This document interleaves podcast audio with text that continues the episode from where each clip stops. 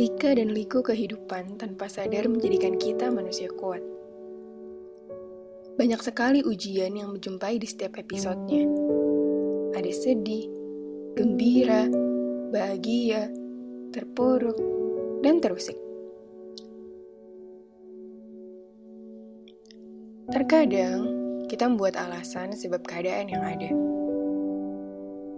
Aku tidak pernah bahagia, Tak ada kebahagiaan yang aku rasakan di lingkunganku. Semua sibuk dengan urusan masing-masing. Aku kesal. Setiap hari selalu saja ada kerjaan menumpuk yang harus aku selesaikan. Aku penat. Tugas dari guru serasa tumpukan yang menggunung.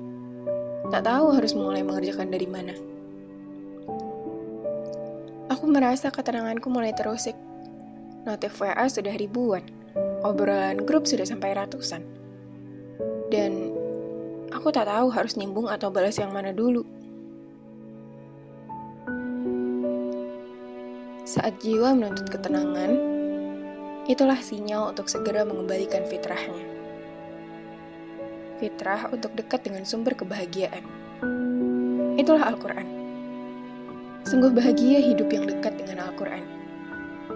Setiap ayatnya selalu mampu menghidupkan hati yang mati, menenangkan kekalutan pikiran, mengukir senyum yang hampir tak terlihat karena beban hidup yang menguras pikiran dan tenaga, dan menjadi alasan untuk terus kuat dan menguatkan. Karena ketakwaan cukup untuk menjadi penguat bagi seorang muslim.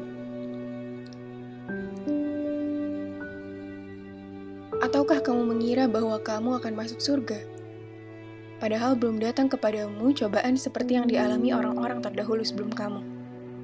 Mereka ditimpa kemelaratan, penderitaan, dan diguncang dengan berbagai cobaan, sehingga Rasul dan orang-orang yang beriman bersamanya berkata, Kapankah datang pertolongan Allah? Ingatlah, sesungguhnya pertolongan Allah itu dekat. Maka, berbahagialah saat cobaan hadir dalam hidupmu Itulah bentuk rasa cintanya kepadamu. Karena Allah ingin derajatmu tinggi kelak di sisinya. Maka, apakah masih pantas kita mengeluh dengan bentuk cintanya ini? Masalah yang ada mengajarkan kita untuk cerdas dalam menyikapinya. Tindakan apa yang kita ambil, itulah cermin keimanan.